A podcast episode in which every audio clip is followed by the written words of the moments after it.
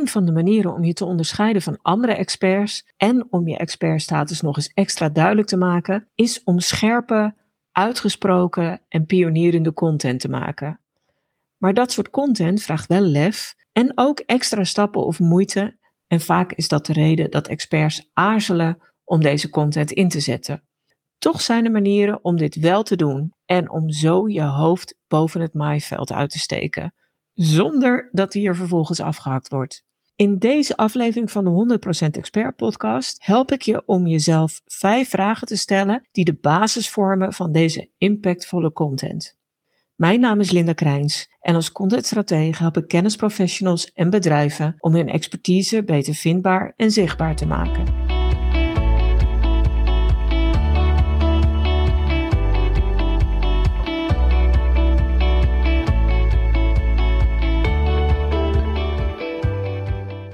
Mijn contentpraktijk help ik experts en kennisleiders bij het realiseren van impactvolle content die hun expertstatus ondersteunt en onderstreept. Content die de middelmaat ontstijgt. Want dat is wel essentieel. Zowel voor je status als expert, maar ook omdat jouw content moet concurreren tegen echt gigantische hoeveelheden content van anderen. Zeker in het tijdperk van artificiële intelligentie, waarbij je nu al ziet dat steeds meer bedrijven, ondernemers, professionals AI gebruiken om heel snel allerlei content uit te poepen. Dat is bijna altijd wel middelmaat content. Dus daar wil je bovenuit stijgen. En nou gebruik ik daarvoor verschillende methodes. En in het kader van het onderwerp van deze podcast wil ik er hier twee uitlichten. De eerste is dat ik vaak werk met zogenaamde shit content. Niks met poep te maken, want shit is voor mij een anagram voor scherpe, helpende, intrigerende of trendzettende content. Vier soorten content waarmee je ervoor kunt zorgen dat jouw content zich onderscheidt van andere bestaande content.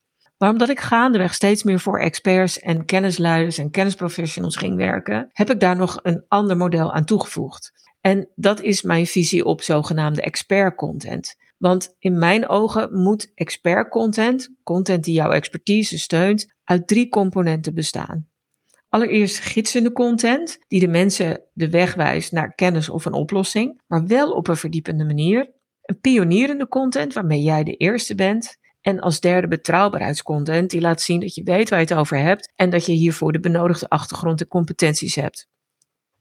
En die twee modellen heb ik na elkaar ontwikkeld, dus er bestaat ook zeker overlap tussen die twee methodes. Gidsende en helpende content komen bijvoorbeeld sterk overeen. En dat geldt ook voor pionerende of trendzettende content. En wat deze contentsoorten verder met elkaar gemeen hebben, is dat ze niet altijd even gemakkelijk te maken zijn. Ze gaan gepaard met drempels. Dat betekent dat je die drempels wel moet overwinnen, uiteraard, want anders kun je die content niet maken. Maar als je doorhebt dat scherpe content met een uitgesproken mening je echt kan helpen om beter zichtbaar te worden en om meer erkend te worden als de expert die je bent, dan heb je meteen twee uitdagingen. Je moet een, allereerst een uitgesproken mening kunnen formuleren en kunnen uitdragen op allerlei plekken en platformen. En het tweede is dat je het lef moet hebben om dat ook echt te doen. Dat zijn twee behoorlijke flinke drempels.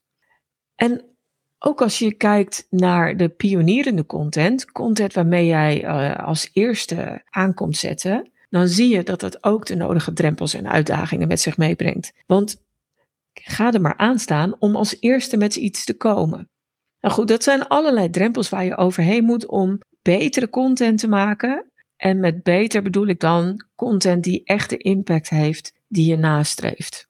En dus heb ik vijf vragen geformuleerd die je zou kunnen stellen voor jezelf. En op het moment dat je dan op zoek gaat naar de antwoorden op die vragen, dan kom je waarschijnlijk op manieren waarmee je die content wel degelijk kunt maken. En je hoeft ze echt niet alle vijf te stellen, maar kijk gewoon naar die vijf vragen die ik heb. Welke jou aanspreekt, voor jou relevant is of waarvan je denkt, ja, daar kan ik wat mee. Ik wil ze eerst even kort noemen en dan ga ik ze op alle vijf ga ik er wat dieper op in. De eerste vraag is niet een heel ingewikkelde, maar dat is dat je gaat kijken, wat speelt er in mijn vakgebied of branche dat mij frustreert? Bij de tweede vraag ga je kijken welke vaste ideeën of praktijken er bestaan in je vakgebied of branche waar jij het volstrekt mee oneens bent. Bij de derde vraag ga je kijken wat er ontbreekt in jouw vakgebied? Waarin schiet het tekort?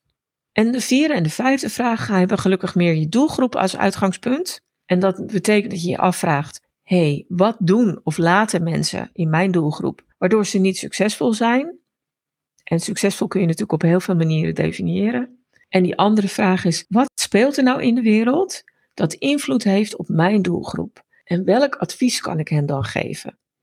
Dus dat zijn vijf vragen die je helpen om de drempels te overwinnen om tot onderscheidende content met impact te komen. En laten we dan beginnen met die eerste vraag, waarbij je gaat kijken naar de frustraties in je vakgebied. Wat frustreert jou in je vak, in je branche, in je werk? Want elk vakgebied heeft zo zijn frustraties. En uh, het kan zijn dat het dogma's zijn waar je het niet mee eens bent, of, of dat je denkt van ja, kloppen die wel? Verouderde methodes of praktijken. Of het kan zijn dat er nog belangrijke elementen missen in jouw ogen in je, in je vakgebied. En op die missende elementen, die kom ik zo, want dat is die andere vraag die ik hierna wil uh, doornemen om, om te kijken hoe je tot die content kunt komen. Maar ik vind dat als iets ontbreekt, dat vind ik iets anders dan een frustratie. Ook al kan het ontbrekende element je natuurlijk wel frustreren. Maar laten we het even bij frustraties houden. En wat het ook is, waarschijnlijk ben je zelf altijd wel in meerdere of mindere mate gefrustreerd over iets in je vak of je werk. Of je merkt dat anderen dat zijn. En die anderen, dat kunnen vakgenoten zijn, maar ook cliënten, klanten of afnemers, of hoe je ze ook wil noemen. En het leuke is dat je alleen al door die frustraties te signaleren en te benoemen, laat zien dat je je in je vak verdiept. En als je ze dan ook nog op enige wijze weet te adresseren, en dat hoeft echt niet te zijn dat je ze ook meteen oplost of wegneemt, maar puur het adresseren, dan heb je al een goede stap in expert content gezet.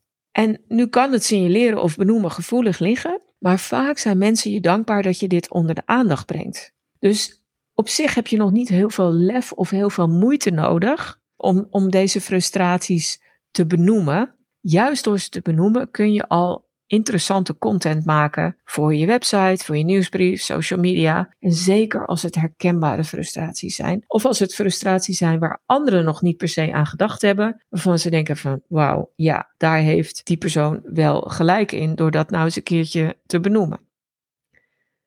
Maar goed, een stap verder is dat je ook aangeeft waarmee je het oneens bent. Ik benoemde net eigenlijk in, in, in mijn woordkeuze al dogma's en verouderde methoden. Die kunnen natuurlijk tot frustratie leiden. En eigenlijk suggereert het dat al. Als jij iets een dogma vindt, of als jij vindt dat iets verouderd is, dan ben je het daar waarschijnlijk niet mee eens. En dat kan heel goed aanleiding zijn van content waarin je jouw mening duidelijk uitspreekt. Bijvoorbeeld in een opiniestuk dat je op je eigen website of eigen kanalen publiceert.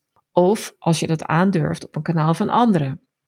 Maar je kunt het ook doen in de vorm van een reactie op andermans publicaties of content. En zeker als je het op externe kanalen plaatst, stap je wel op die spreekwoordelijke zeepkust. En dat brengt het risico met zich mee dat je kritiek op je standpunt krijgt. Dus aangeven dat je het ergens echt mee oneens bent, of je nou de initiator bent of als reactant, dat levert wel een bepaald risico op. Want eigenlijk wil niemand kritiek hebben op zijn expertise of op de standpunten vanuit zijn expertise. En toch is dit wel hele belangrijke content. Want opinierende content doet het echt gewoon goed, krijgt over het algemeen veel aandacht en is ook heel, een heel mooie manier om te laten zien waar je voor staat. Dus als je het aandurft en als je zegt van ja, maar ik signaleer iets waar ik het echt niet mee eens ben en dat moet eruit, doe dat dan zeker. En kijk hoe je met eventuele kritiek kunt, kunt omgaan en hoe je daar een plan voor kunt maken waarmee je op die kritiek anticipeert. En dan zeg ik altijd van kijk, kijk op drie manieren uh, naar opinierende content die je wil gaan publiceren. Kijk of het je reputatie kan schaden of dat de kritiek op jou opinie jouw reputatie kan schaden. Hoe kun je daartegen wapenen? Bijvoorbeeld doordat je alweer bedenkt wat de tegenargumenten kunnen zijn en daarop anticipeert, ofwel in je content ofwel in de reactie daarna. Kijk ook of die kritiek gefundeerd kan zijn. Ook hier betekent het weer dat je je in die criticus of in de mogelijke criticus verplaatst. En kijk ook hoe je daar uiteindelijk op kunt reageren. Maar ook wat je van je af laat glijden waar je echt niet op gaat reageren. Je hoeft niet altijd op alles te reageren. Als mensen uh, het niet met je eens zijn en dat niet onder stoelen of banken te steken, dan hoef je daar niet altijd op in te gaan. Wat ook een hele mooie vraag is om te gaan stellen, is om te kijken wat er nog mist in je vak. Wat ontbreekt nog in jouw vakgebied? Waar schiet het tekort? Mist er bijvoorbeeld nog een concept of een model? Dus het ligt wel in de buurt bij die frustraties in je eerdere, uh, die ik eerder noemde. Hè, dus vraag nummer één. Maar een frustratie is nog niet per se iets dat mist. Dus kijk ook wat er eventueel nog mist. Dat kan je tot verschillende inzichten brengen. En zo kun je soms bepaalde vakmatige begrippen met elkaar in verband brengen. Of een verband leggen dat nog niet eerder gelegd is. Wat ook soms kan missen, is dat een bepaald begrip nog niet voldoende uitgewerkt is. En misschien kun jij dat begrip wel uitbreiden, uitwerken of aanvullen vanuit jouw praktijk of vanuit de data die jij tot je beschikking hebt. En om je een voorbeeldje te geven, ik heb een paar jaar geleden een artikel geschreven voor Frankwatching, omdat ik merkte dat in, in, in mijn werkomgeving met verschillende klanten het bekende marketingbegrip USP, Unique Selling Point, echt enorm aan slijtage onderhevig was. Want ik merkte dat veel bedrijven en organisaties allerlei dingen in hun organisatie of in hun producten of diensten als USP gingen benoemen, die eigenlijk helemaal niet uniek waren. En ik zag eigenlijk ook dat het logisch was dat dat gebeurde, omdat het ook steeds moeilijker is om uniek te zijn en te blijven. Want ontzettend veel is gewoon te kopiëren door anderen. Dus ik had zoiets van, misschien moeten we wel afstappen van het begrip unique selling point. Maar wat breng je er dan voor in de plaats? En toen heb ik het begrip unique selling content geïntroduceerd. Dat begrip bestond nog niet, ik heb het zelf ontwikkeld. En zoiets kun jij waarschijnlijk ook doen. Zeker als je al wat langer in je vak meedraait, heb je soms ongemerkt eigen concepten of ideeën ontwikkeld. Maar vaak heb je die nog niet met de grote buitenwereld gedeeld, of het in elk geval nog niet heel expliciet gedaan.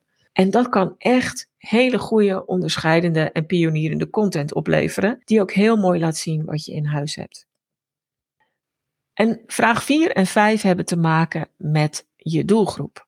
Wat staat de mensen in jouw doelgroep, of de bedrijven, functionarissen, afhankelijk van wie je doelgroep zijn, wat staat hen in de weg tot succes? Waarom lukt het ze niet om succesvol te zijn, om hun obstakels te overwinnen of om te doen wat ze eigenlijk willen doen? Is dat iets in henzelf? Is dat iets in de wereld om hun heen? Of is het iets in jouw vakgebied? Door daarnaar te kijken, kun je ook weer tot nieuwe inzichten komen. Wat mensen in de weg staat, kun je soms afleiden uit data of publicaties. Maar de beste manier om dit te ontdekken is om gesprekken te voeren met klanten en met niet-klanten. Bijvoorbeeld door erop uit te gaan of door mensen uit je doelgroep heel gericht te vragen naar hun frustraties.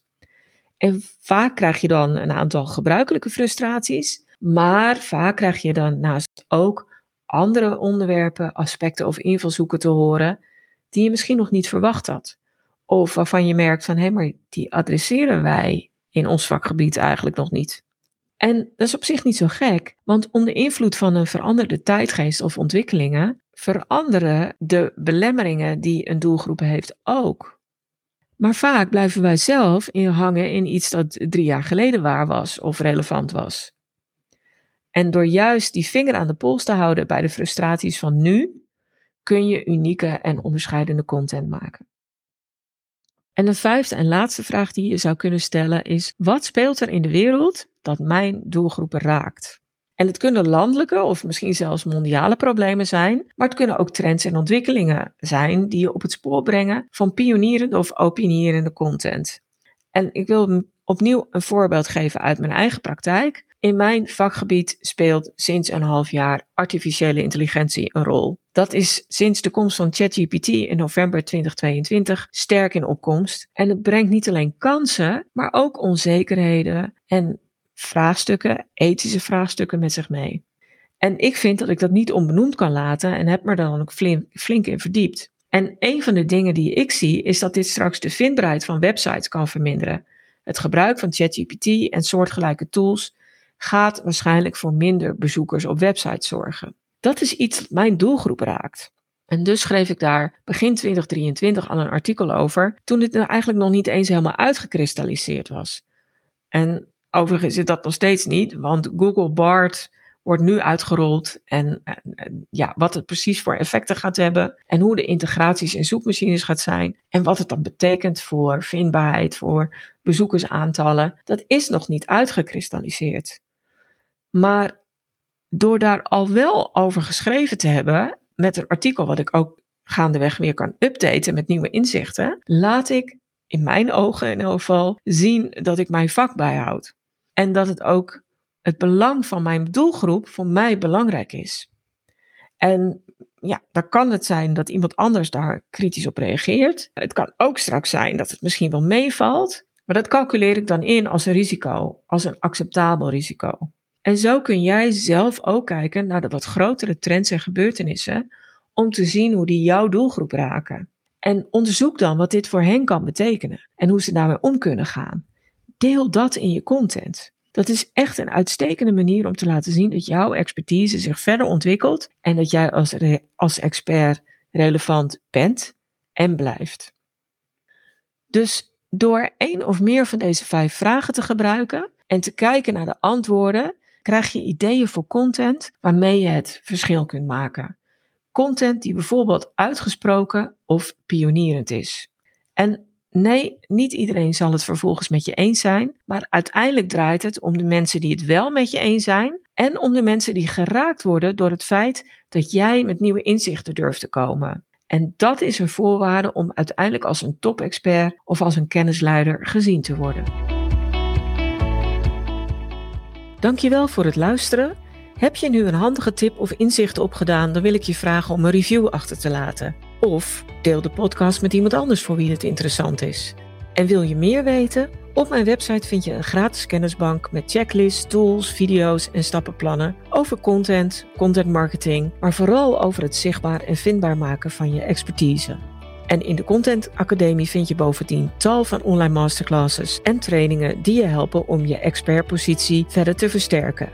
Kijk daarvoor eens op stroop.nl en stroop is met dubbel S. Bye.